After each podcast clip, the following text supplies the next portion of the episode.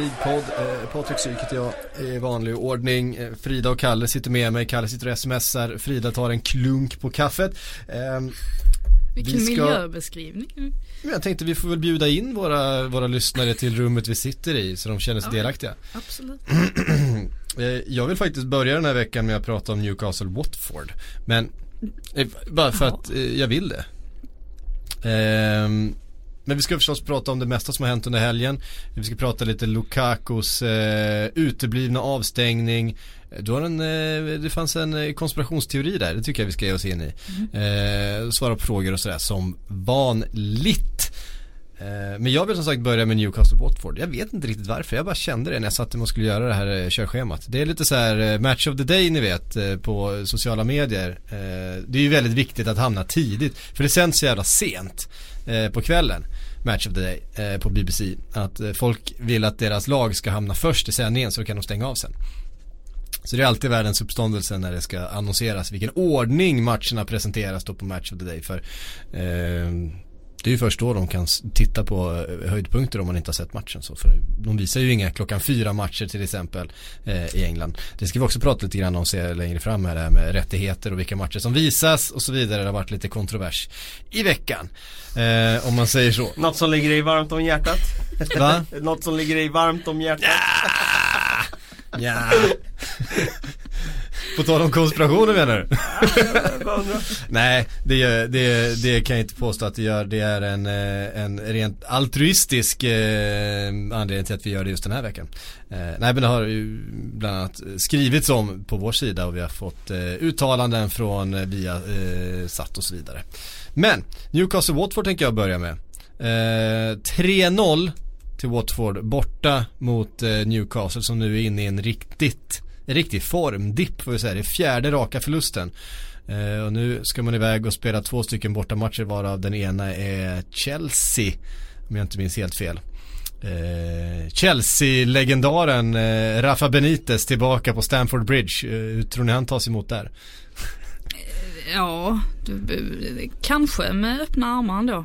Det var, det, det var Tror du? Nej jag... Nej, jag tror han tas emot som han alltid har tagits emot på den där arenan. Han har aldrig varit speciellt populär där. Inte ens när han blev utnämnd till till tränare för Chelsea var, det ju, var han speciellt populär. Han har ju alltid inte, varit en Inte ens när han vann Europa League eh, så, så var han ju speciellt populär. Nej, jag tror han blev utbuad men eh, Ja, det var inte, det var inte någon av mina frågor jag hade skrivit upp än. Det men, var bara en tanke som dök upp. Det är ju det som är ganska intressant ändå med, med just Benitez. Att eh, om man ser till hur han har agerat från i somras fram till nu. Så är han ju egentligen, trots att det kanske inte har gått jättebra för Newcastle. I princip den enda tränaren som inte får kritik överhuvudtaget. Och det är väl lite för att han har ju ändå grävt sig den här den här vägen genom att, ja men alltså påtala det här med att han fick inte in rätt spelarmaterial gång på gång på gång på gång. Och då har han lite så här hamnat i skymundan för att supportrarna har ändå accepterat det för de tänker att ja men det är ändå Rafael Benitez. Mm. Han är ändå så pass kompetent, det finns säkert många PL-klubbar som skulle vilja ha honom just nu som tränare och då, och då förlåter vi det där.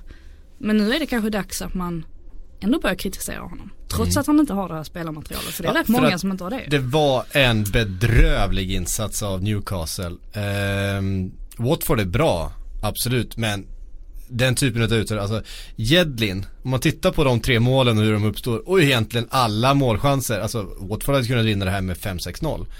Eh, Jedlin, jag vet inte vad han pysslar med i den här matchen.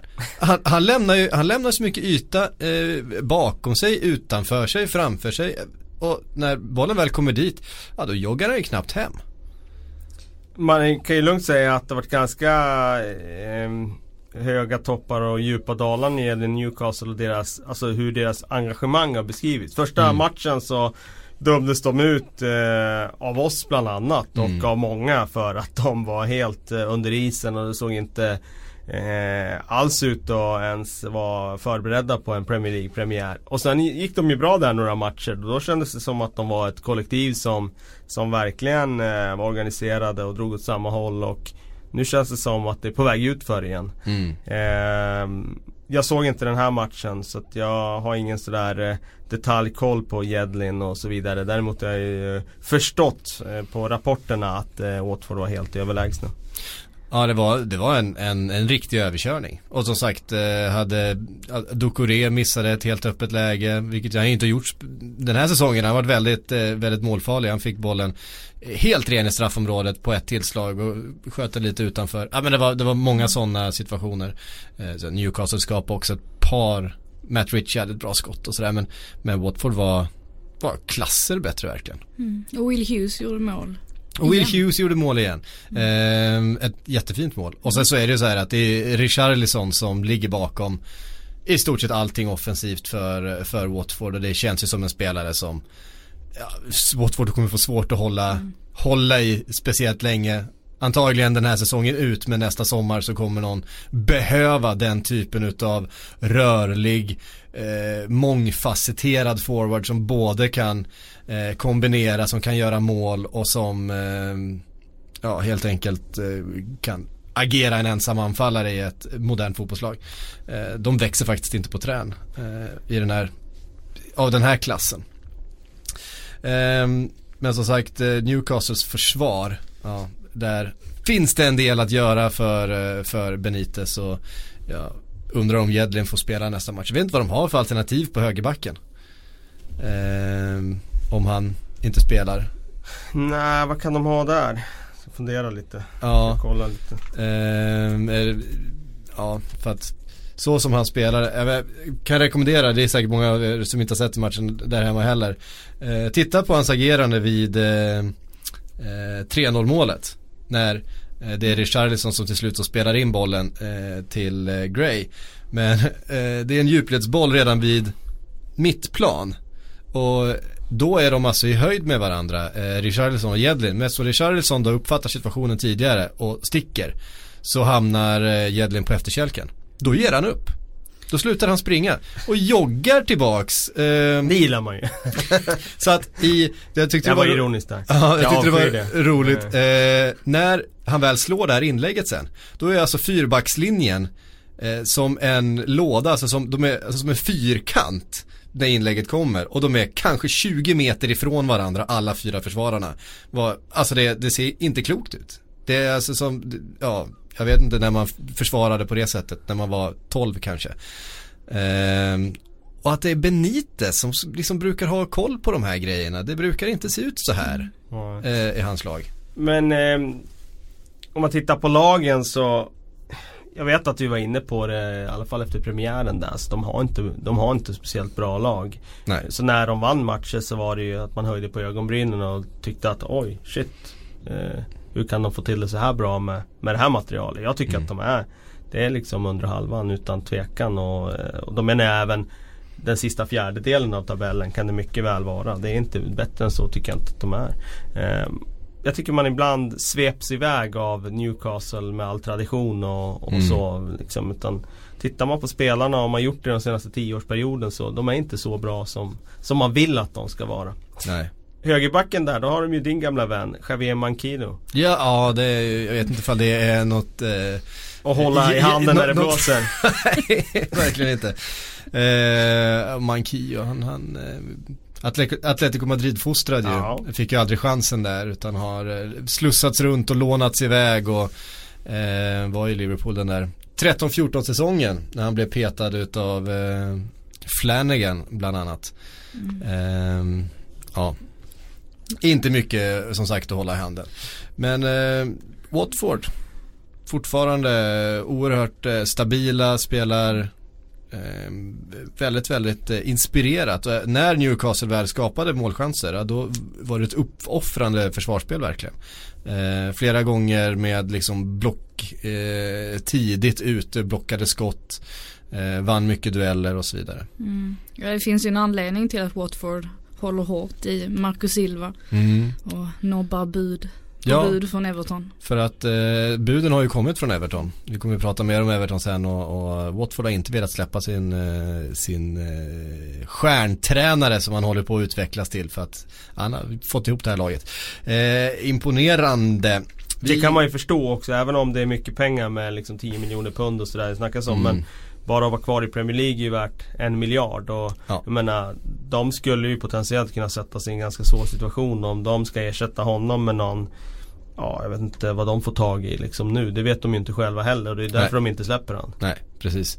Eh, och jag menar de har ju ett lag som funkar så bra. Skulle de då som vad allting pekar på så är ju Watford ett lag för övre halvan i Premier League. Eh, och det är ju ett väldigt intressant projekt de har. Och de kommer som sagt eh, dra in en del pengar. Dels på tv-avtalet förstås. Men jag menar de kommer få in ganska mycket pengar för en Richarlison nästa sommar skulle jag tro. Så att eh, 10 miljoner är ingenting som de kanske behöver heller eh, i dagsläget. Vi går vidare till eh, det som var helgens stormöte då. Liverpool-Chelsea på Anfield. Ett eh, roterat Liverpool får vi säga. Eh, och ett Chelsea som kom efter en eh, lång borta resa eh, i, under veckan.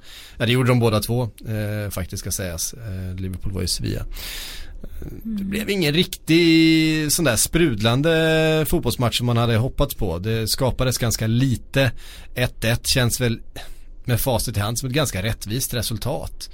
Ehm, Mm. och det var eh, förstås Mohamed Salah för Liverpool som gjorde mål igen. Det är ju han som är eh, spelaren där just nu. Och det var förstås Eden Hazard i Chelsea som var bäst på plan. Eh, det var inte han som gjorde, var, det var inte han som gjorde målet men, men eh, det var två spelare som stack ut i den här matchen och det var de två. Ja de är extremt formstarka båda de två. Eh, Hazard snackade vi om här för någon vecka sedan tror jag.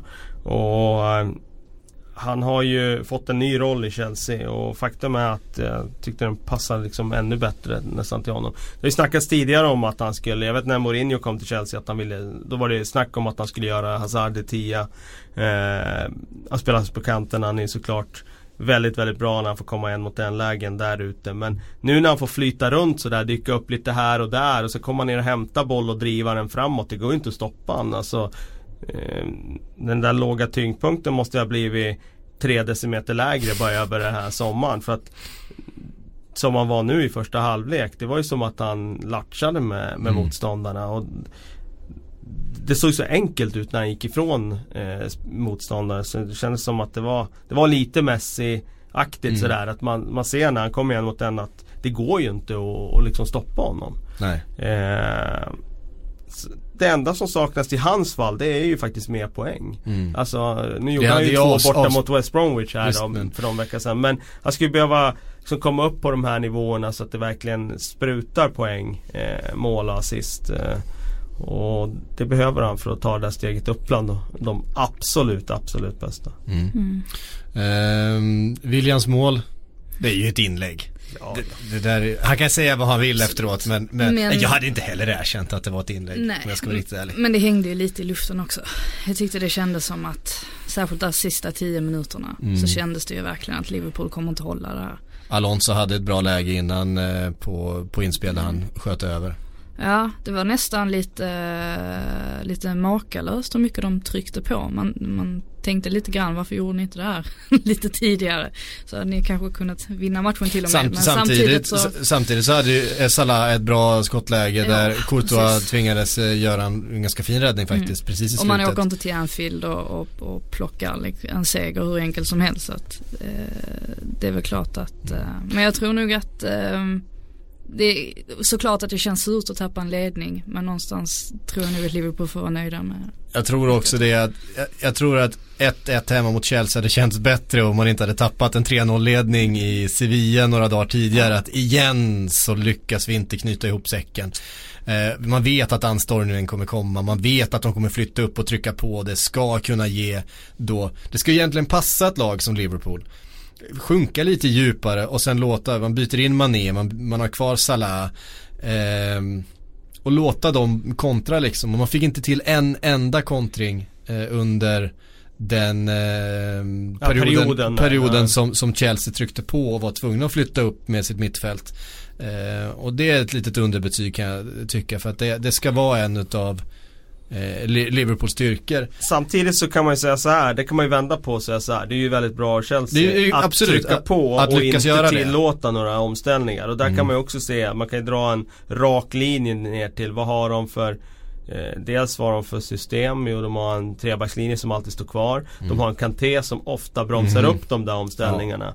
Och tar de där maxlöpningarna får bara liksom få ner farten på, på, på kontringarna. Så att jag tror inte det var någon slump att det var mot Chelsea som inte fick de där Nej. omställningarna på det sättet. Samtidigt så det är väldigt, väldigt små marginaler. Hade inte Willian gjort det där målet som var ren flax för mig, Mm. alltså det var solklar- 100% flax.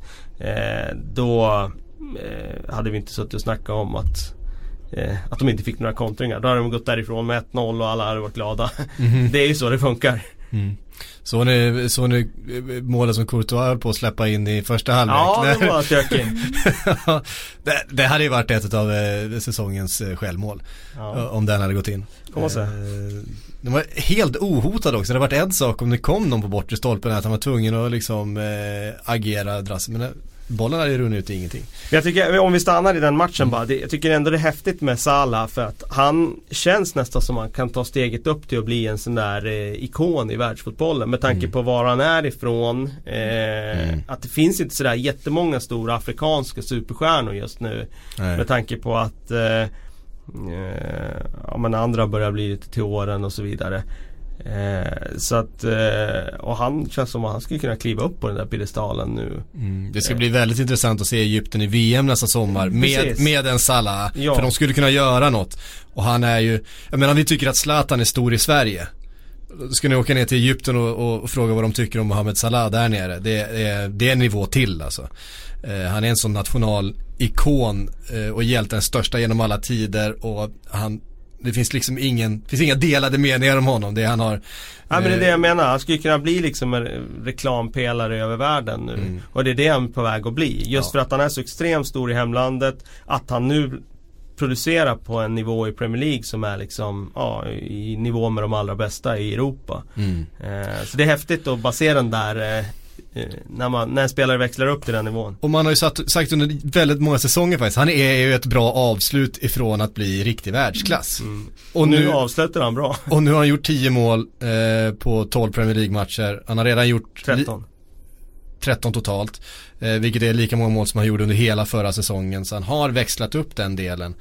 Ehm, och man, jag tycker man ser också någonting som man inte sett lika mycket till av honom tidigare. Det är hans styrka i boxen och han håller ifrån och han kan suga in bollen och gå vidare. Han gjorde det i första halvlek där i en situation där, Ja. där man verkligen hajade till över hur stark han var som höll ifrån. Och han gör det ganska ofta faktiskt och, och tidigare så gick han alltid med bollen. Han, han, eh, han stannade aldrig bollen och försökte göra någonting. Han gick alltid med och försökte skarpa den vidare och, och liksom utnyttja sin snabbhet. Nu känns det som att han har en, en eh, växel till i sitt spel. Att eh, försvararen vet inte om han kommer, eh, för tidigare kunde man alltid veta att, äh, men jag behöver bara ha lite, lite höjd, han kommer försöka skarva mer när han vill inte ta den, eh, göra det här till en, en fysisk kamp. Men det gör han oftare nu. Ja, sen har han ju utmärkt sig mycket mer nu. Alltså, tänker på i början eh, av säsongen så när han spelade med Mané och Firmino och sådär så var man inte riktigt säker. De var ju så bra allihopa att man var inte riktigt säker Mm. på ja, men hur, hur pass bra Salah var i den här konstellationen. Men nu tycker jag att han har visat de senaste matcherna att han har utmärkt sig lite till och varit Mm. snäppet bättre. Mm. Eh, och nu när de dessutom inte fick starta heller så var det ju ännu mer tydligt hur, eh, hur mycket ansvar han tar där framme. Mm.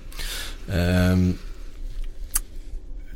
vi pratade om att eh, Hazard nästan har en Messi liksom, eh, tyngdpunkt och sådär. Vad säger ni om Shakiris 1-0 mot eh, Crystal Palace? Det var en riktigt Messi, Messi-mål verkligen. Han eh, tar bollen och så bara trycker förbi med eh, små, små vinklingar och den där låga tyngdpunkten och så bara högre, högre tempohastigheten än en hel försvarslinje och sen med vänstern då stenhårt avslut. Som på den gamla goda tiden. Ja, verkligen. Eh, sen var det inte sådär jättemycket mer att, att jubla åt för, eh, för Stoke.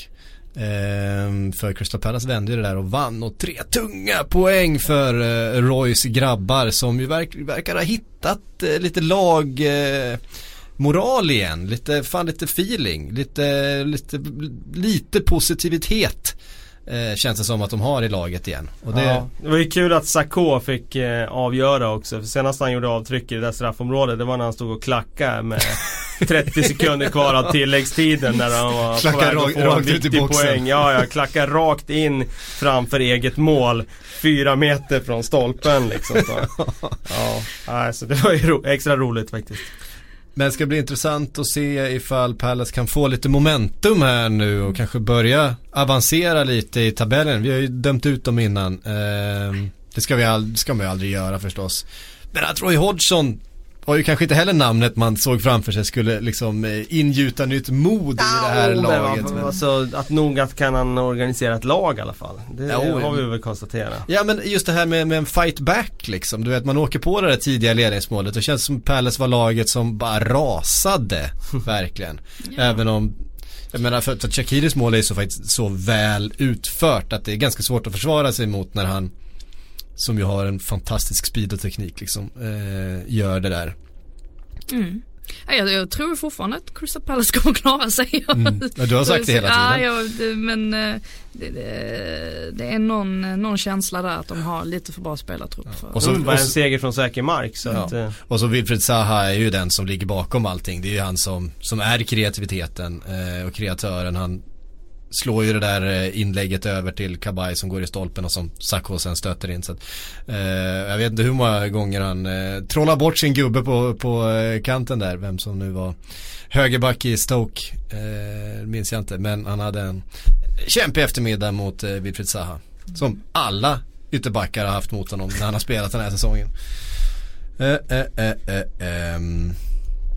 Mycket ehm, eh, mycket oavgjorda resultat höll jag på att säga men det var det väl kanske inte. Men ett eh, som stack ut var i alla fall Spurs hemma kryss mot eh, sorgliga West Brom. Ja. Som sparkat Pulis och liksom står utan eh, ledare och vägvisare just nu. Helt plötsligt så såg de ut som ett, eh, ett mycket bättre West Bromwich. Du räknar inte Gary Megson som en ledare och vägvisare alltså? Nej, jag kan väl inte säga att jag gör det. Eh, han är väl Ryan Reynolds here from Mint Mobile. With the price of just about everything going up during inflation, we thought we'd bring our prices down. So to help us, we brought in a reverse auctioneer, which is apparently a thing. Mint Mobile unlimited premium wireless. Ready to get 30, 30, bit to get 30, bit to get 20, 20, 20, bit to get 20, 20, bit to get 15, 15, 15, 15 just 15 bucks a month. So, Give it a try at mintmobile.com slash switch. $45 upfront for three months plus taxes and fees. Promo rate for new customers for limited time. Unlimited more than 40 gigabytes per month. Slows. Full terms at mintmobile.com. eh, själva definitionen utav en, En färglös tränare. ja, ett alibi. Ja. Jag vet inte, jag, jag, jag kanske är hård där men, men eh, det känns väl inte 2017 med Gary Megson. Det är väl därför du eh, antyder att han kanske inte är rätt man för det. Jag eh, förstår vad du menar. Det är klart att West Bromwich eh, kommer titta, framförallt med utländska ägare och så vidare, kommer titta på en annan tränare än Gary Megson på längre sikt där. Ja. Men ehm, han är ju en interim och en caretaker liksom på det sättet. Ja. Eh, sen är det ju intressant att de sprattlade till och fick en poäng nu i hans första match. För det antyder ju att de kanske, ja, de Det har funnits ett missnöje kanske med, med Pulis. Ja. Eh, kan vara. Han är väl inte, han är väl inte världens psykolog heller så att när det börjar gå emot och sådär kanske hans eh, lite mer hårdföra stil och attityd kan bli eh, negativ i ett eh, omklädningsrum och att man eh, blir trött på den där attityden. Kan, vara. Jag har inte sett den matchen men den grejen från den är ju att Tottenham inte vinner såklart. Snarare än att Ja, West Bromwich tar en poäng. Alltså, Tottenham för mig för några veckor sedan framstod som främsta utmanaren till Manchester City. Men då bör man vinna sådana här matcher hemma Mm. mot VBA. Såg ni, såg ni målen? Ja. Eh, alltså Rondons axel mot axel mot Davison Sanchez. Mm, det är. Eh, det är ju, en- för Davison Sanchez kommer ju från sidan med fart. Han ska ju vinna den närkampen. Alltså egentligen. Det är ju, båda två har en kroppsposition där Rondon är den som ligger före men som bara springer rakt fram medan Davison Sanchez kommer liksom snett in från sidan och då har han ju liksom kraft åt det hållet när han kommer in. Men Rondon bara skakar av sig honom. Jävlar, det är en riktig bit alltså. det är en, det, jag kommer han gjorde något liknande med Robert Hood förra säsongen och det är ju ingen man flyttar på Ja, i första taget. direkt. Men eh, han är brutal stark Rondon verkligen. Ja, alltså ja, men man tänker ju lite, vi har tjatat så mycket om spöken och sådär och liksom det, det börjar bli tröttsamt lite grann. Men det går inte att komma ifrån att Tottenham måste ju nästan ha tappat fler poäng på hemmaplan redan den här säsongen än vad man gjorde på hela förra säsongen. Det, tror jag, det tror jag man har gjort ja. Man Det- tappade nästan inga förra säsongen så eh, Nej, och har man då varit så hemmastarkt mm och nu helt plötsligt inte är det så blir det ju ett jäkla tapp ju. Å andra sidan går de ju bra i Champions League så jag vet inte om de kanske ska, de har satsat all sin, eh, sin eh, hemmaform där. Jag vet inte. Ja, eh, helt klart är det nog så att Spurs har bränt en del krut i Champions League i den där väldigt tuffa gruppen som de har varit. Jag menar de har ju haft urladdningar verkligen både mot mot Dortmund och mot, mot ja, Real Madrid förstås. Eh, Så det är klart att det har kostat en del eh, energi för det här laget. Mm. Det har märkts väldigt tydligt. Alltså när man ser, tittar på matcherna precis efteråt. Alltså det är, eh, ja men både då mot eh, Crystal Palace var det väl förra då när man hade vunnit mot Real Madrid. Och så spelar man mot, mot Crystal Palace. Och man kan nästan se på dem att de liksom inte riktigt är där. Och då har de ändå nästan spelat ut Real Madrid bara några dagar tidigare. Det är ju, helt, det är ju lite absurt egentligen Mm. Ja, att ja. det är så. Ja, det betyder mycket energi i dagens fotboll är eh, oerhört centralt. Det känns verkligen så. Eh, Jag tror det var därför man så, gå tillbaka till varför Liverpool spelade så roterat. Alltså så som de spelade mot Sevilla, andra halvleken, Firmino som knappt kunde, kunde gå på slutet, han var så trött. Eh, Det var inte så märkligt att han, att han fick vila den här, den här helgen för att, eh, ja om han inte orkar pressa då är han inte mycket fotbollsspelare kvar. Ehm, så därför Förstår man de här intensiva försäsongsschemana och det som publiceras, alltså som läggs upp och man säger de är ju helt vansinnigt tränade fotbollsspelare för att det, det är ett hårt liv. Sen är det ju någonting som jag tänkt på mycket sådär. Det är ju så, så här, Det blir lite så här. Eh, man roterar i trupperna på ett annat sätt idag än vad man gjorde för 10-12 år sedan.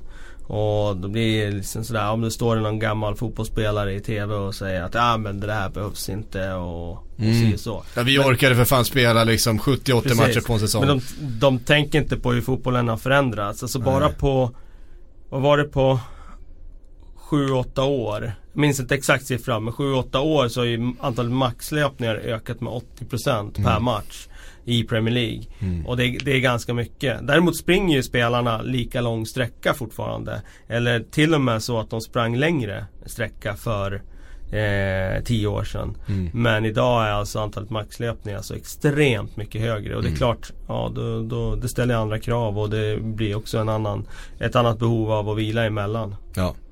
Ehm, Men det, det, det jag menar är, det går inte att dra en skiljelinje och säga så här, ja, men för 10-12 år sedan då behövde man inte vila. Nej, men fotbollen ser inte likadan ut idag som den gjorde för 10-12 år sedan. nej. Eh, så mycket har den utvecklats. Ja, eh, verkligen. Eh, Harry Kane gjorde mål igen. Han har alltså gjort 40 mål på 39 matcher under 2017. Ja, han kan ju slå något ganska rekord bra. där va? Ja. Eh, kalenderår va? Ja precis, inte- kalenderåret 2017 har han gjort 40 mål på 39 matcher.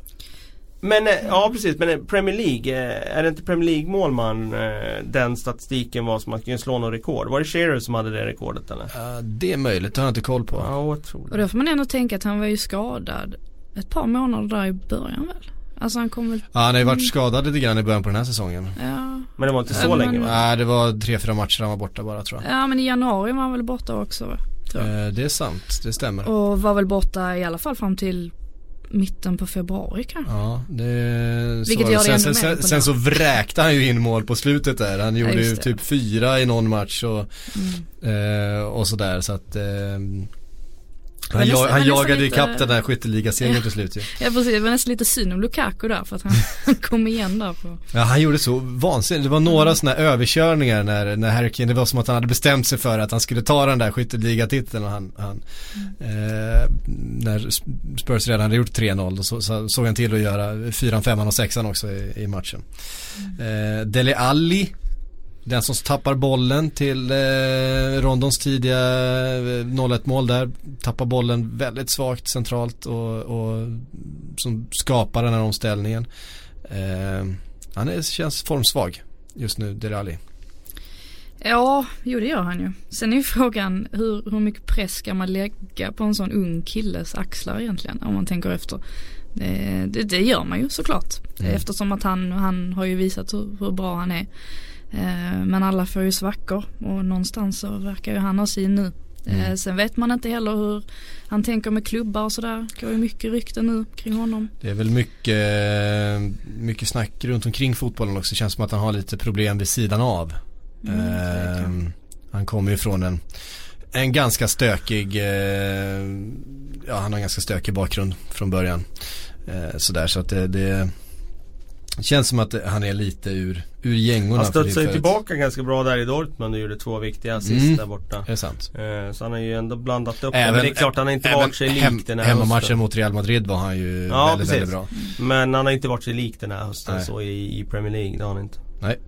Eh, vidare till Manchester United då som eh, med tanke på eh, ett par övriga resultat eh, kunde liksom claima sin andra plats eh, med tanke på att eh, Chelsea kryssade, Liverpool givetvis också kryssade och, och Tottenham då. Så, eh, Man United tog den här 1-0 eh, segern mot Brighton, en, en eh, match som spelmässigt lämnade en del i övrigt att önska kanske. Jag tycker vi kan lyfta fram Brighton faktiskt. Vi Ja. har inte snackat så mycket om dem Nej, den här hösten. Men de har ju varit en trevlig bekantskap måste jag säga. Eh, hittills i Premier League. Mm. Eh, gått helt under radarn eftersom Huddersfield har en så karismatisk tränare så att eh, allt eh, ljus hamnar på dem när de kommer upp och de är en liten klubb och så vidare. Men Brighton har ju inte heller så mycket erfarenhet eh, av att ligga i Premier League och de har kommit upp och varit minst lika bra som Huddersfield tycker jag. Mm. Eh, spelmässigt tycker jag att de spelar bättre fotboll än vad Huddersfield gör. Det var inte den bilden som folk hade när lagen kom upp inför ligastarten men jag tycker Brighton eh, spelar riktigt sådär bra efter backen, har förmåga att hålla i den. Eh, etablera mot, uppenbarligen även mot bra lag som Manchester United. Sen har de några riktigt fina spelare, framförallt i Gross som Mm. är en av säsongens absolut bästa värvningar. Köptes ju för bara 5 miljoner pund tror jag. Och, Mm. eh, alltså för, Var kom han från? eh, tyska ligan kom han ifrån men vilken klubb var det? Det vet jag inte. Nej, välscoutat. Eh, verkligen. Verkligen. Eh, nej alltså Men även credit till Chris Hutton som Ja. har fått till det här. Knockart tycker jag också är en, han har märkligt efternamn men, men han, eh, han har varit väldigt bra den här säsongen tycker jag. Eh, man har sett honom även, jag menar det, det känns som ett, eh, ett, hel, ett helt lag. Ja och sättet de trycker på där Mm. mot slutet också. På Old Trafford mot Manchester United. Det är, inte alla lag som gör det. Nej. Eh, Så jag tycker ju nästan att United, de ska ju vara jäkligt nöjda med tre poäng. Ingolstadt kommer han ifrån. Ingolstadt, Av där, kan man, där kan man också eh, scouta spelare. Ja, de hade ju ett väldigt bra pressspel för ett par år sedan Ingolstadt som jag satt och Spelar studerade. de i Bundesliga? Eller är det Zweite Ja, de gjorde ju det då i alla fall. Men Mm, okej. eh, frågan är om de gör det idag. Ja, de är, så- jag åker säkert upp och ner. Ja, det känns som ett sånt lag. Lukaku sparkade, vem var det han sparkade? Jag har inte koll på exakt vem det var. Eh, det har varit mycket kontroverser. Han anmäldes till eh, disciplinnämnd, vad fan heter det? Eh, Ja. FAs disciplinorganisation, kommitté, någonting sånt. Friades. Mm. Ja, lite Det överraskande. är väldigt överraskande tycker jag för att de här eh, bilderna har ju cirkulerat på sociala medier. Det var svårt att uppfatta under matchen exakt vad det var som hände men, men eh, inzoomningar och, och repriser har ju vevats på sociala medier. Det ser man ju rätt tydligt att han, han skickar iväg två sparkar faktiskt eh, mot motståndaren och det eh, jättekonstigt att FA bedömer det som, eh, som ingenting. Alltså det enda som jag kan tänka mig det är att de bedömer att han inte träffar. Men det ska ju ändå vara en eh, reprimand och en, ett straff för att han måttar den typen av spark Mm. mot en spelare. För det har vi sett tidigare, vill jag minnas i alla fall, att, eh, att bara måtta sparken ska ju eh, ja, ge någon form av straff. Eh, så jag är förvånad över att det inte blev eh, att han inte blev fälld. Sen kan jag tycka att tre matcher för en sån grej kan ju vara mycket om man hade fått rött för det. Mm. Men eh, jag tycker definitivt det är en eller två. Mm. Vi, vi hade en konspirationsteori kring det här också varför att den inte har visats i brittisk media till exempel, reprisen. eh, Ja. Ja, det, är inte, det, är inte, det är inte jag som, som eh, Ta den du, ger ta mig på eh, Ja, kör, kör dina. alla nu. Men, eh, men jag, jag, jag läste någonstans att tydligen NBC, eh, de loopade den här situationen. Amerikanska Eh, NBC Precis, alltså. Mm. exakt. Eh, de loopade den här situationen och, och visade den väldigt tydligt och, och efter matchen också när de satt med experterna så pratade de om situationen. Mm. Men det gjorde ingen brittisk, eh, ja varken Sky då eller BT eller eh, Mm. någon av de här. Och Viasat gjorde ju inte heller det så som Ja, jag de har det. ju bara bilderna från de engelska så Mm. att det, det är inte så konstigt. Men Då verkar är, NBC det, är det den officiella matchkameran som har plockat upp det här då? Det måste ju Ehm, den ha gjort ju. Ja det tror jag. Alltså det sker uppe i hörnet på den, på, på den officiella matchkameran. Mm. Så att det jag har sett har varit liksom inzoomningar från den kameran. Ja, okej. Och så är det väl kanske då NBC som har uppfattat det, klippt ut det. Sen finns det ju också ytterligare kameror som har som uppfattat det här och som då har spridits i sociala medier där man ser det ännu tydligare. Men då Ehm, fick folk för sig alltså att det skulle vara någon sorts mörkning.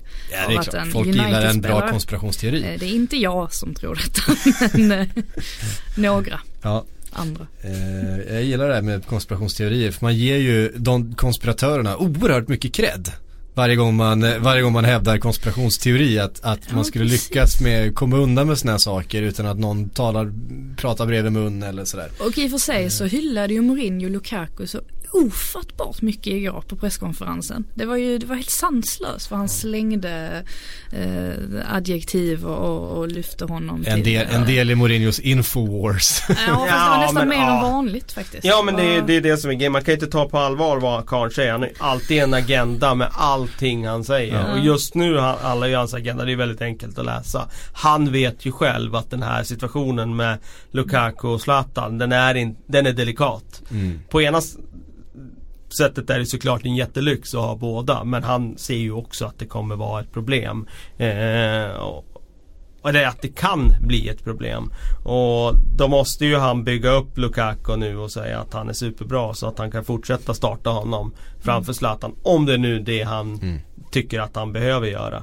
Men eh, med den här liksom eh, trenden som Lukaku har, ett mål på tio matcher så Ja det, det känns som De hade någon intressant diskussion någonstans Just med Lukaku om han, han har Jag minns inte vilka det var som snackade om det men just om man har den mentala styrkan nu att hålla ifrån Zlatan Mm. Just bara för att han nu har han en som flåsar honom ordentligt i nacken Och Lukaku vet ju innerst inne att Zlatan har ju egenskaper som han aldrig har haft och aldrig kommer ha Ja. Och att Zlatan har mer spets än vad han har Och Zlatan är rätt mentalt stark. Han är väldigt mentalt stark, han är liksom en ikon och han Ja. är liksom Han har ganska bra självförtroende. Det är intressant ni säger det för Mourinho sa han inledde med att säga ju eh, att eh, Lukaku är, fantastisk. Eh, han, gör, han gjorde inte mål senast men det bryr jag mig inte om. Inledde han med att säga. Sen tog han upp den där mentala biten.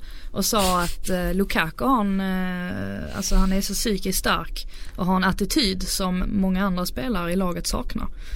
Eh, Och då kanske vi ska lyssna på det, Så kanske vi ska höra det som, precis som eh, Kalle säger. Det han säger där är, ni kommer säkert sitta och prata om Lukakus mentalitet i era tv-soffor och era poddar och i era kolumner. Så därför säger jag här att Lukaku minsann är väldigt mentalt stark. För jag vet att det är den kritiken som kommer riktas mot honom i den här konkurrenssituationen. Man ska ju veta att Så- Mourinho är ju extremt så- smart. Så presumtiv lär han ju vara i sitt resonemang. Så är det ju. Han, är- han är ju smart på det sättet. Det är väldigt svårt att skriva en artikel eh, där, man, där man vill skriva det blir ju nästan, blir ju nästan som en krönika istället i en nyhetsartikel för att man förstår ju vad, vad Mourinho är ute efter. Samtidigt så kan man ju inte annat än skriva exakt vad han säger. Nej, exakt. det det vet Mourinho. Ja men precis Ja. och, och då Ja, får man det- liksom försöka skriva lite mellan raderna att det är många som vill se Zlatan framför Lukaku. Ja. Men eh, det här säger Mourinho. Alltså det, Han är, ja. ju, han är, han är Han är en, e- han är ju en Han är egen liga när det, kommer, när det kommer till det där spelet. Alltså det är bara Ja. så. Det kan vi inte säga annat än. Så är det ju. Samtidigt när man ser igenom det där så då, men det, ja, det det är inte den stora liksom massan runt om i världen eh, det, det kanske inte gör det och det innebär ju att han får ju ändå ut sin agenda Ja, oftast. helt klart. Ehm, Måste ju lyfta vår andra svensk också i United. ja, man of the match, eh, Viktor Vigge Nilsson Vad blev Lindelöf. man of the match? Det var supporterna som röstade. Ja, just det, efter. ja. Jag tar lite sådär när supportrarna gör det för ibland brukar det vara lite röstning sådär om att eh, man vill lyfta en egen. Jag tyckte Mm. inte det var någon egentligen som var värd den. Nu tycker jag verkligen det var jätteroligt att han gjorde en stabil insats. Mm. Eh, och han gör ju en tackling i den matchen som någonstans blir eh, symbolen för, Mm. för eh, hans insats. För att i övrigt, det var ju inte så mycket. United var ju inte bra och det var ingen som var speciellt bra. Och han sattes inte på jättestora prov. Men när han gör den tacklingen, Ja. då är det ju en tackling som folk kommer ihåg. Folk reser sig upp på läktaren. Det är ju en världsklasstackling. Och det är också i en situation där de är på väg att kontra. Så om man förlorar den duellen, då kan de vara två man som är fria. Och det finns ju ingen publik som uppskattar en sån tackling mer än den brittiska fotbollspubliken. Så är det ju. Alltså. Så Det är är ju mer värt än ett mål alltså. Ja, ja, ja. Det är ju det. Så är det ju. Det är som Xavi sa en gång, min, eh, min eh, obestridliga barndomshjälte. Eh, när han var chockad när han spelade England första gången och en försvarare skickade upp bollen på läktaren och folk ställde sig upp och applåderade liksom. det, det är liksom den brittiska fotbollspubliken. Och sen som du säger en eh, eh, en tackling av den där sorten. Det är, Ja. liksom, det är det de går igång på. Ja, det är ju det absolut bästa. Det var en fin tackling, det får är, man säga. Det, är- det är härligt att se alltså. Ja, ja, Det men jag, jag gillar det också. Jag ska inte... Man, Man- myser lite inombords. Ja. Att det var han också. Ja. Det, var, det var så oväntat. Ja, då blir man glad. Men det var ju riktigt kul för man såg ju hur han själv var nöjd med sin insats efteråt Absolut. och verkligen kände att eh, den här behövde jag och det behövde han ju liksom. Ja. Och nu är han ju, nu, nu jag menar Nu känns det, Det- som att, så- han är, att, han, att han är... Ja men nu är han med i för- leken igen Ja. för så fort går det ju. En bra insats, sen är det med i leken igen. Nu startar han ikväll och då, ja men alltså Bra match idag igen, ja men det här kan vara en tackling som vände liksom den här hösten för honom. Och det är ju inte så konstigt, jag menar alla som skriver ett, nästan alla som har skrivit ett professionellt kontrakt med Manchester United är tillräckligt bra när de är i form. Jag menar det är så pass bra fotbollsspelare allihop så det handlar Jemba om Jemba, Ja, det finns några undantag som, som har varit BB. för, för dåliga. Men jag menar, du får ändå gå tillbaka ganska långt i tiden för att hitta en, en fotbollsspelare som bara rent på fotbollsmässiga grunder har varit för dålig. Sen är det de som har varit, eh, haft bättre konkurrenter i laget. Luke Chadwick.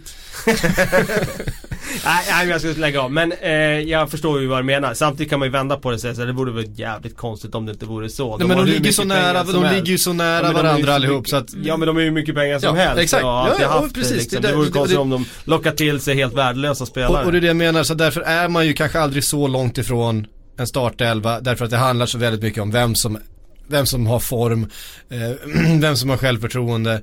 Men jag tycker det går Ja. ganska snabbt i alla de här stora lagen att, att det är ju ingen som är så långt borta. Men det har ju lite med karaktären på hans konkurrenter att göra. Att Phil Jones och de blir skadade hela Ba- Bailly. De är så skadebenägna. Mm. Hade de inte varit det, då hade han ju varit långt ifrån startelvan. Det kan vi konstatera. För han var ju, när Rojo kom tillbaka, där och då var han ju faktiskt femma. Av, av fem mittbackar. Mm. Jo men det, det enda som Och- krävs är ett par, ett par svaga, svaga matcher eh, från någon Jo av men det dem. Det säger ju något så... om karaktären på hans konkurrenter. Det är det Ja. jag menar. Hade han Ja, konkurrerat okej där med, med liksom Bonucci och, och Chiellini och den typen av spelare. Då, då hade han ju varit femma och så hade han suttit på läktaren just nu. Mm. Men han konkurrerar, det har jag sagt hela tiden. Det sa jag i starten av säsongen. Han kommer alltid få chanser. Phil Jones blir alltid skadad. Bailly blir alltid skadad. Småling är inte speciellt bra nu för tiden. Så att det är klart att det kommer dyka upp chanser. Ja men precis, jag tror inte i, i Mourinhos ögon så tror inte jag att han har varken har höjt eller sänkt sina aktier. Jag tror Mourinho vet exakt egentligen vad han får utav Lindelöf. Och Mm. han kommer ju rotera dem eftersom det är så många matcher som ni säger. Att de är så skadebenägna. Så är det. Eh, Alexis Sanchez i grevens tid. Eh, alltså Arsenal har gjort det till sin grej nu att avgöra matcher i eh, absolut sista andetaget. Jag har ingen statistik på det men om man skulle se den här säsongen och förra säsongen där Giroud hade en väldig förmåga att eh, stoppa in bollar precis i slutet och rädda poäng och det har han gjort den här säsongen också. Ehm, det finns ju inget lag som kan ha räddat så många poäng sista fem minuterna i en fotbollsmatch som Arsenal om man går tillbaks tittar det senaste året. Ehm, jag, tycker, jag, jag tycker det är var och varannan match. Och det är visst klart det är en styrka. Synd om Burnley i det här specifika fallet. Det är klart Ja. en jättestyrka av Arsenal. Det finns ju någon slags mental styrka som, som är underskattad i Arsenal. Eftersom de alltid lyckas vrida sig ur svåra situationer. Och nu är de liksom uppe i tabellen i ett läge där de, ja men De har fått alldeles för mycket kritik. Vi var inne på det för ett par veckor Mm. sedan här i podden. Men eh, synd om Burnley i just det här specifika fallet för att eh, ja, nu har de åkt på tre tunga förluster mot Arsenal på Mm. mindre än ett år, eller ett år i alla fall. Och, eh, de var ju bra i första halvlek i den här matchen. Och hade de tagit en meriterande poäng i den här matchen då hade det varit ytterligare en fjäder i hatten för Daesh och för, för det här Burnley. Mm. Ja, de är ju svårslagna det här Burnley, det, det, det måste man ju ge dem. Att det skulle krävas en, eh, Lite billig straff va? Ja, den är väl egentligen regelrätt. Två händer upp i ryggen. Är ju inte riktigt... eh, men det är inte Okej, alltid men man... såklart, eh, alltså. Nej det är väl det som är felet, att man inte alltid blåser för det. Man Ja. ser det där lite för ofta. Men jag, jag, jag köper också Frida att utanför straffområdet så hade det ju varit frispark. Ja. Eh, sen är det, det är väl den svårt. där underförstådda att det ska krävas mycket i 92 minuten för att Ja, man ska precis. blåsa. Och det är väldigt få som blåser i det läget. mm. Vem, var, vem var domare? Eh, det var, vad heter han nu igen? Mason, Lee Mason. Ja okej. Det är kanske inte någon av de här, eh, vi har ju några som gillar att stå i centrum. Eh, Din gillar att stå i ja, centrum. precis, som vi varit inne på. Eh, och där, kan det, där, där kan det krävas lite mindre ibland att få en, att få en, en straff än i till andra. Och- om, man, om man tycker att man har tagit för lite plats under, under matchen. Nu är det jag som är konspiratorisk. Nej men du, du har ju rätt. alltså vissa, vissa grejer tycker man att de borde prata igenom lite bättre, Mm.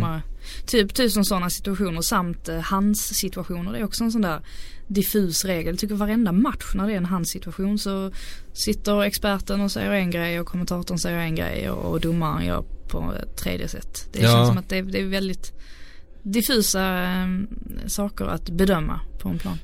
Ja, alltså jag tycker hela den där eh, att det ska krävas intention tycker jag är en eh, jättemärklig regel. För hur, Det är rätt svårt att hinna uppfatta det. ja, det, gör, det finns ju nästan aldrig intention att stoppa bollen med handen. Och gör det det, men då är det ju så uppenbart ändå. Jag menar, i stort sett alla hands är ju en hand som råkar vara utslängd långt ut och en boll som råkar studsa på den. Och ska Ja. man då ha intention i varenda hands situation, ja då skulle det nästan aldrig bli straff. Nej, Så, att, och det- så döms det ju inte heller utan det handlar om, är armen i ett naturligt läge? Ja men man hoppar runt och man flaxar och vevar och det, det är närkamper och så vidare. Vem har armarna i, vad är, vad är ett naturligt läge i en sån eh, situation? Alltså alla, alla borde ju köra den här som Lindelöf kör med långfärdsskridsko-stylen där han liksom varenda gång han är inne i straffområdet och Han ska har- blocka ett skott så tar han ju bak armarna. Jag vet, jag vet inte riktigt hur, hur ja, det är ju effektivt så tillvida att det blir ju inte hans i alla fall och bollen kommer på. Moreno gör samma sak. Jag tycker, jag vet inte. Ja, det blir ju ta- sämre tapp- en mot en av det. Ja precis. Mm, Eh, man tappar lite balans Ja. också. eh, Man ska hålla Du på kan inte sådär. fånga upp en spelare med armen heller så att jag är inte helt eh, Men det är också en smart spelare gör ju det när, när han ser att en spelare ska slå ett inlägg Mm. Och tar direkt fram armarna när det är dags för liksom, En- en att smart- en spelare börjar dribbla En smart spelare håller ut armen så pass mycket så att den är kvar i en naturlig position så att skulle den styras eh, på armen så skulle det inte bli straff ändå. Fast det är inte alltid domaren kan uppfatta om det är en naturlig Nej position eller exakt, det inte åh. Nej det är, det är hopplöst. Det är väl något annat att säga om, eh, om Arsenal i den här matchen mot Burnley. Eh, jag har inte sett den ska sägas, jag har bara sett, eh, sett straffen. Det var väl där eh, tv-upproret började. Precis. Ska vi ta den, ska vi ta den pucken därifrån då för att Ja. Eh, det är ju så att eh, Premier League inte tillåter att alla matcher visas av lite oklara anledningar. Man undrar eh, när det är världens dyraste tv-avtal genom alla tider som slår alla rekord eh, och sen så kan de ändå inte bjuda på alla matcher till de som betalar de här hutlösa priserna. Eh, men det är faktiskt det är ju inte Viasats regler där. Det är klart att de vill visa alla ja, matcher. ja, de vill visa Ehm, klart. utan det är ju tv-avtalet som är skrivet så. Ehm, och menar, Alltså, det började ju med den här eh, Det var ju en ganska stökig story om någon som hade någon pub någonstans Ja. och Då lyfte de ju bort så att det inte blev någon fyra match på lördagar ja. Och där någonstans börjar det ju. Sen har det ju blivit mer och mer av det där. Och jag antar att det är för att de ska få folk att gå till arenorna Från början så handlade det ju om att få folk att gå till arenorna. Eh, men det är ju fullsatt ändå. ändå överallt. Så att, Ja. ehm, Då är frågan var, varför nu då? nej men det som har varit eh, ett problem är det där, bland annat på pubbarna då där ju engelsmännen gillar att fördriva sin tid. Eh, att folk eh, då inte köper de här dyra tv-abonnemangen utan de hellre går till puben och ser matchen. Eh, så då ville de begränsa utbudet på olika sätt. Och då, dels så ett tag så kunde ju via satt visa vissa matcher via till dem eller till oss då eftersom jag är en av dem som har parabol. Eh, som inte visades för kabel-tv-prenumeranter. Så var det under någon säsong. Eh, och det hade att göra med att de här skulle kunna fångas upp på olika Ja, piratboxar eh, och så vidare Just då som var det. vanliga i, i Storbritannien. Eh, för de är mycket vanligare där, det ska man komma ihåg att det finns sådana här piratboxar. Eh, som väl var vanligare i Sverige på kanske 90-talet, folk hade piratdekodrar på olika sätt. Eh, de finns fortfar- fortfarande kvar i en högre utsträckning som är då digitala, så därför påverkar det också via Play som inte påverkades lika mycket tidigare. Eh, ja, vi kan bara visa den här matchen på tvn, alltså eh, via parabol eller via liksom vanlig utsändning. Men på Viaplay kunde matcherna finnas. Men nu kan de också hämtas in då, så att nu är de också begränsade. Om jag har förstått allting rätt. Eh, och då är det ju så att vissa matcher får stryka på foten. Eh, nu till helgen var det Arsenal och då är det klart att Arsenal-supporterna blir, blir sura. Nu på onsdag är det Liverpool och då har Liverpool-supporterna blivit sura. Rätt ofta är det Tottenham. Eh, och då är förstås Tottenham-supporterna sura. Det är så och hur urvalet görs, ja det handlar ganska mycket om eh, vem som betalar för de här rättigheterna, nämligen supportrarna och vem som vilka som har högst tittarsiffror och vart man kan sälja flest abonnemang.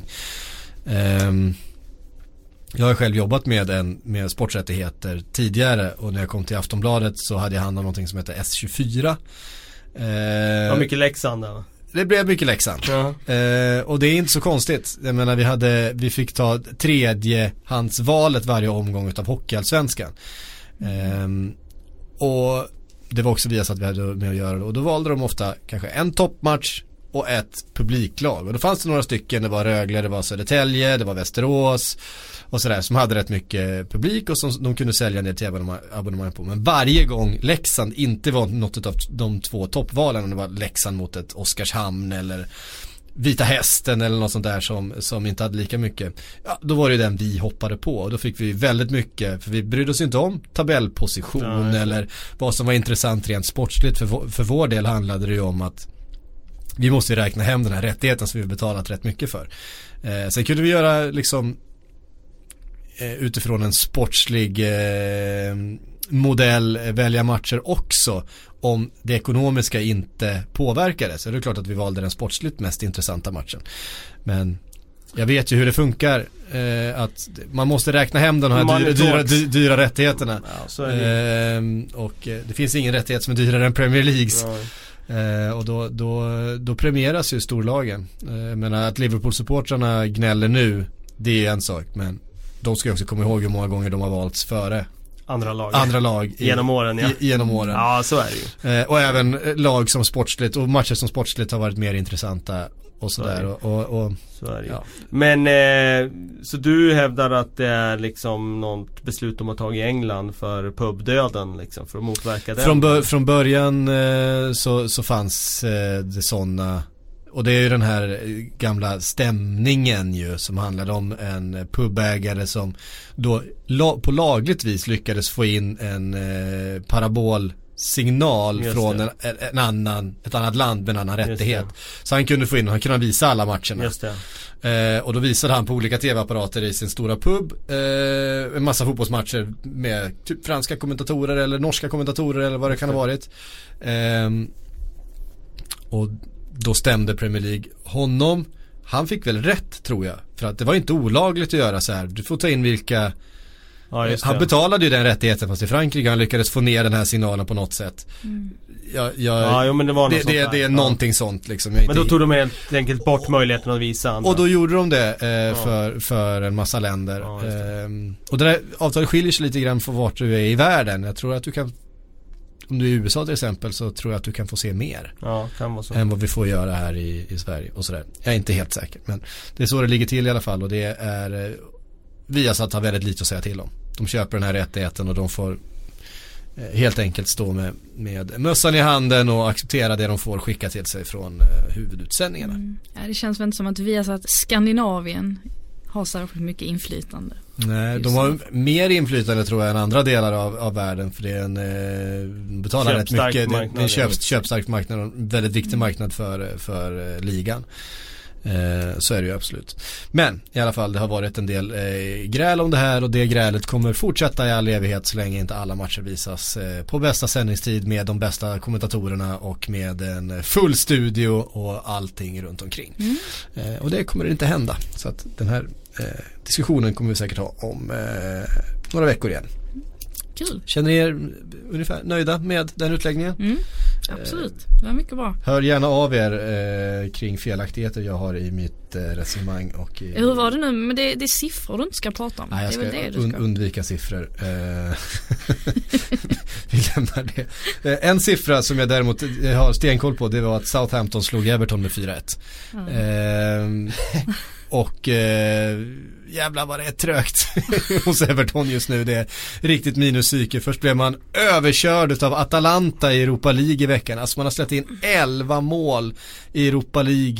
Där man ju förstås ska liksom det är alltså, vi pratar, vi, vi pratar ett Everton som har köpt spelare, alltså deras spelartrupp har alltså köpts in för lika mycket pengar som Bayern Münchens spelartrupp har kostat i inköpspris. Mm. Det, det, måste vara, det måste vara det mest underpresterande laget i hela Europa just nu. Ja men är det inte också, blir man inte eh, Ja men till viss del förbannad men, men eh, på ett sätt är det bara oerhört sorgligt att se när de släpper in eh, 3-1 var det väl de släppte in där och sen så står det är ingen som jobbar hem för det första i försvaret och sen så står alla och pekar på varandra. Pickford står och pekar på Williams som, som pekar på någon annan som pekar på en, en femte och ingen tar liksom, ingen tar ansvar över vad som precis har hänt. Det är ingen som, det känns ju lite som att det, det, det inte är någon som bryr sig längre. Och då undrar man ju lite hur ska, hur ska det här gå ens? Vad, vad ska Everton? Nu känns det som man, man är så långt ner nu. Man ligger visserligen inte på någon nedflyttningsplats än.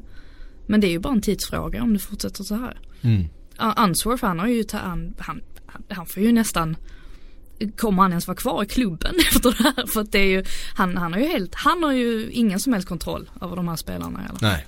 Och deras Nu- inställning. Nu är ju Allardyce det hetaste namnet igen när det är som det pratas om. Eh, han ska väl enligt uppgift vara intresserad också att kliva ur sin Morfars roll. Ja, precis. Eh, och då är det klart, då, då blir det kanske annat ljud i skällan där eh, för att han kommer ju inte komma in och, res- och acceptera några några eh, avfärdande gester och folk som skyller på varandra i, i försvaret. Det kommer att bli, det kommer bli hårda bandage.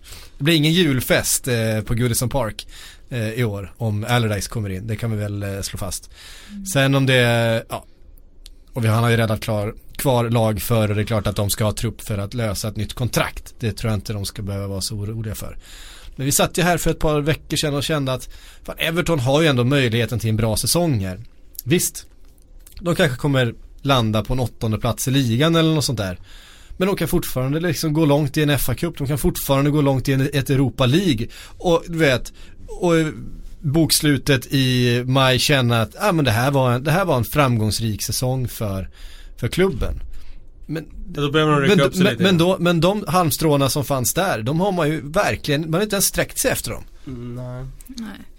Nej just nu är det ju på väg rakt ut för och de behöver ju komma till rätta med den här tränarfrågan väldigt fort här. För nu har det ju liksom efter Jag tror också att de sparkade var, Koeman var rätt säkra på att de skulle kunna köpa loss Marco Silva Ja från, det jag från. Watford, det är därför tror det har jag dröjt. Det tror jag också. Jag Ehm, tror att de räknar med att få loss honom. De var överens med honom. ja. Eh, de Jag tänk- pratar väl också om att Watford ska anmäla Everton för eh, Tap up. tap-up Ja. eh, kring eh, Marco Silva.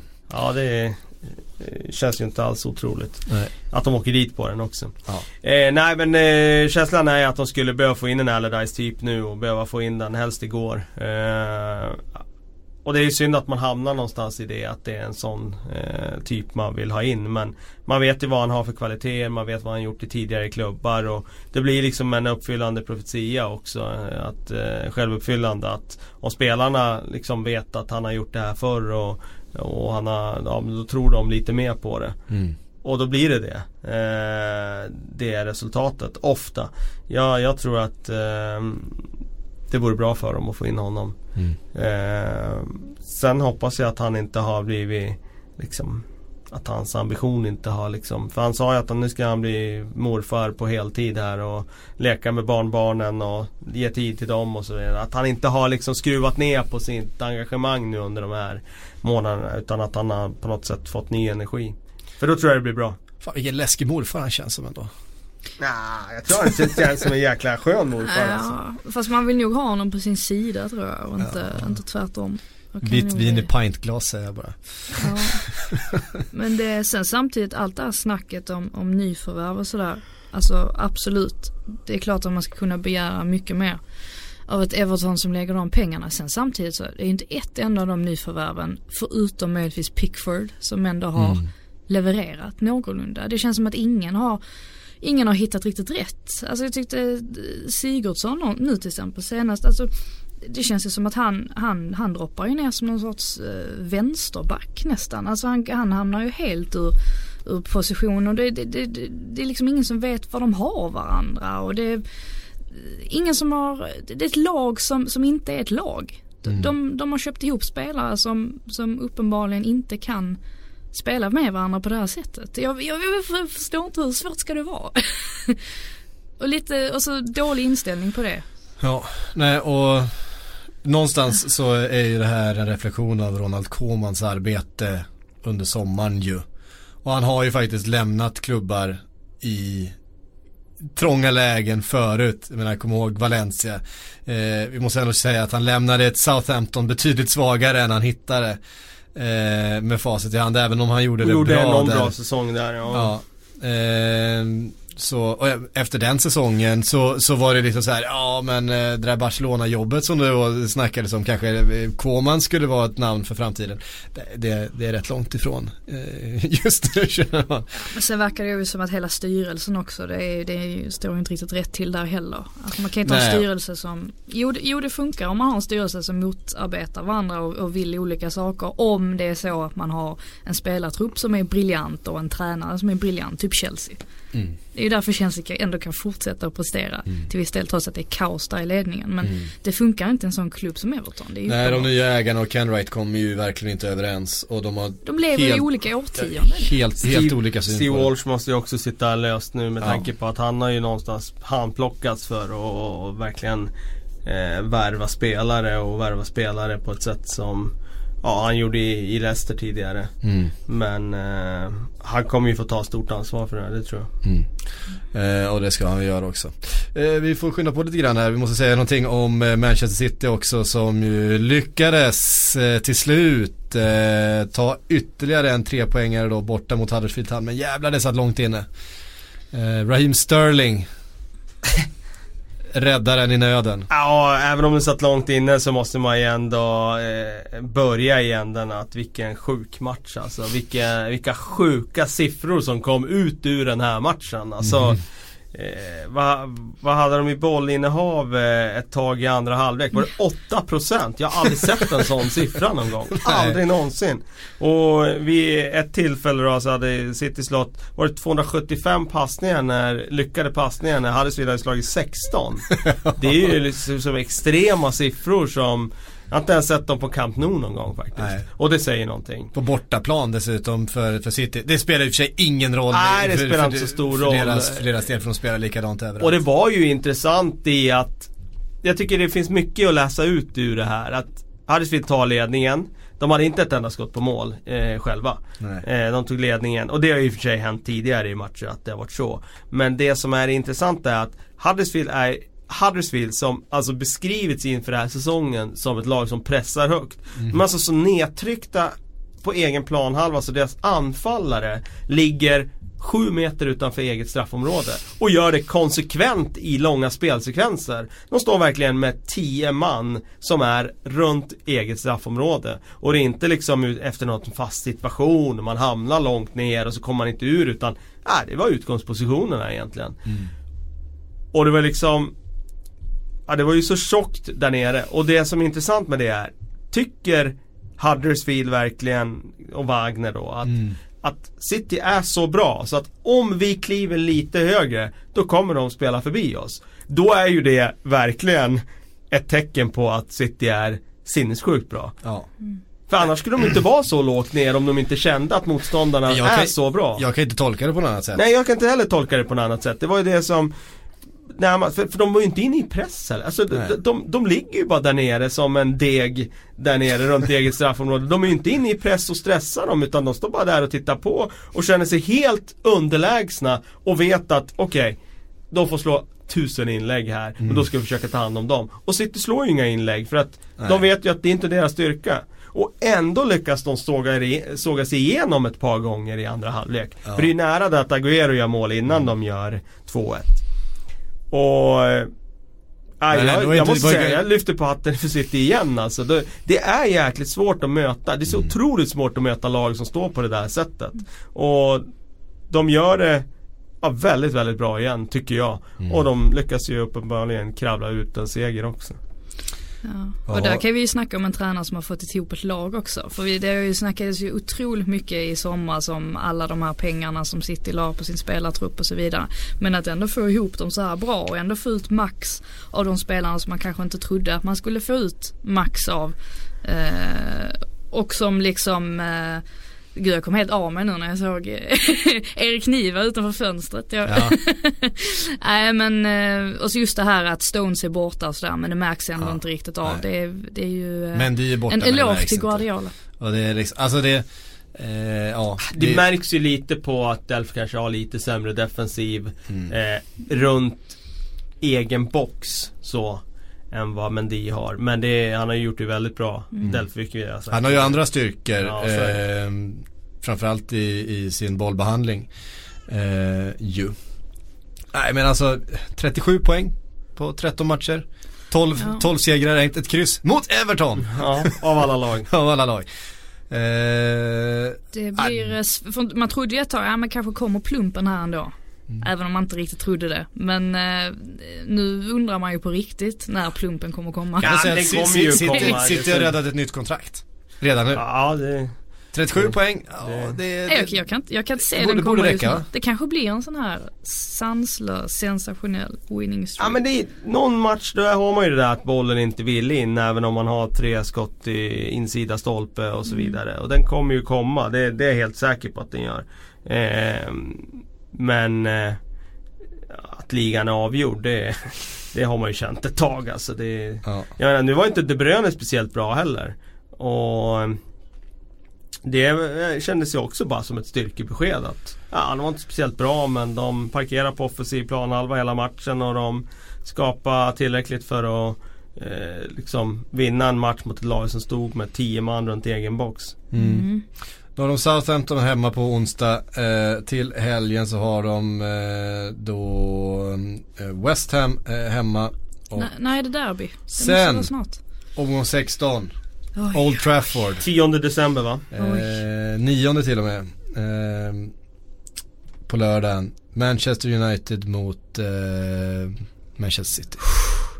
Uh, det är nästan så att man, man blir taggad redan nu. Ja, det, det, är bara, det är bara en och en halv vecka kvar. Vi, eh, vi räknar ner till det. Hörrni, vi, vi, klockan har verkligen sprungit ifrån oss här. Vi tar ett par eh, jättesnabba frågor. Eh, Viktor Olsson undrar vilka klubbar hade gynnats mest om medlemmarna skulle äga klubbarna och shejker och liknande skulle förbjudas? Eh, alltså det som om man skulle införa den regeln nu skulle det ju bara innebära att vi inte får upp några nya storlag. För de storlagen har ju byggt upp en organisation som är självgenererande på pengar. Alltså man tänker Chelsea, de, de går ju, gör ju inga förlustsiffror. Eh, Abramovic behöver inte stoppa in några miljarder i det där projektet längre. Eh, Sheikh Mansour stoppar visserligen fortfarande in eh, miljarder i Manchester Citys men där de är just nu eh, med, med den exponeringen som de får dit de har tagit sig med det laget de har och den investering som gjorts behöver de heller inte ha speciellt mycket pe- mer pengar in utav sin shake. Eh, Manchester United skulle ju nästan må bättre om de inte hade ägare som tog ut pengar ur klubben. de skulle ha ännu mer pengar att röra sig med då. Ehm, och det är samma sak med Arsenal och så vidare. Så att det är ju de, de som är de stora klubbarna nu som hade gynnats mest av det. Eh, att en sån regel infördes. Så är det ju bara. Ja. Eh, kort, Ja. svar, kort svar på den frågan. Bra. Eh, eh, eh, eh, eh, Elias Blom Höl, uttalar jag det, eh, skriver Hur tror ni framtiden för sportsändningar ser ut? Kommer det gå så långt att man har ett abonnemang enbart för sitt lag? Kanske det. Men vi har snackat nog om sportsändningar så att Eh, ja, det har vi gjort. Men eh, det är möjligt att det blir så. Mm. Vi har fått en hel del frågor också om det här med Chelsea och deras spelare som inte längre är kvar. Och så, eh, vi har fått eh, dels för de som är utlånade, vi såg Loftus Cheek göra mål för, för Crystal Palace i veckan. Vi har sett Tammy Abraham eh, göra mycket mål för Swansea, kallas upp till landslaget. Eh, och så vidare. Samuel Nord skrev på Facebook. Tjena Salah, De Bruyne, Lukaku är några utav eh, de största stjärnorna. De här tre hade kunnat lira i Chelsea tillsammans just nu. Eh, tycker ni att Chelsea förtjänar kritik för att de släpper sina lovande spelare? Och så skickade Arvid Stensson en bild här när någon har tagit ut en Chelsea-elva med spelare som har lämnat de senaste åren. Eh, okunskap eller bara dåligt tålamod skriver han. Då har vi Check i mål, Ryan Bertrand till höger, John Terry i mitten tillsammans med Nathan Ake och eh, Luis till eh, vänster. Ingen bra högerback alltså. Äh, ingen, ingen bättre högerback. Nej. Jag tycker sig Ryan Bertrand är en ganska bra högerback. En vänsterback ja. ja. Just det, han är, han är ju faktiskt Mm. vänsterback. Eh, men Men nej, har skickat ut han på höger nu. Mm. Ehm, och, men centralt är det då Nemanja Matic med eh, Juan Mata. Framför eh, dem hittar vi De Bruyne och Salah och på topp Lukaku och Diego Costa. Ehm, och han undrar då hur långt hade denna truppen stått sig i Premier League? Vi har på bänken också Begovic, Ivanovic, Chaloba, Cuadrado, Schürrle, Oscar och Sturridge. Eh, med Mourinho som manager. Ehm, ja, det är klart att den, den truppen hade stått sig rätt bra i, den i, i Premier League. Det hade han gjort. Eh, men det sätter väl fingret på något också vad som eh, händer med det kortsiktiga tänket och eh, de här omedelbara framgångarna som måste till och då måste det byta spelare.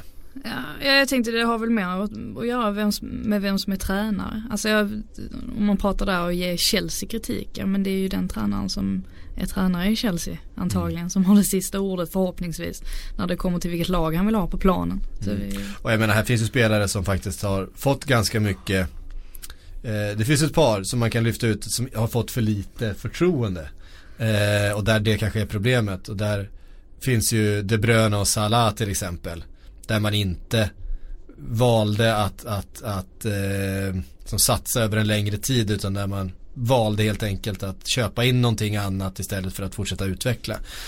Eh, annars har ju Juan Mata och Nemanja Matic till exempel och John Terry inte minst visat vad han kan i den här klubben och kanske levererat en det finns del. väl fler klubbar där man kan kolla på det viset. Alltså United till exempel. Alltså man, man kan ju komma på ett par stjärnspelare därifrån som, ja men typ Di Maria och och Falcao och sådär. Alltså det finns ju, det, Mm. finns ju många exempel i många klubbar där det är riktigt, riktigt, riktigt bra spelare som inte har platsat in i den konstellationen. Ja så är det ju. Mm, Så är det. absolut. Hörde ni, det var allt vi hann den här tisdagen. Tack Frida, tack Kalle, tack alla ni som har lyssnat. Vi är förstås tillbaks om en vecka igen.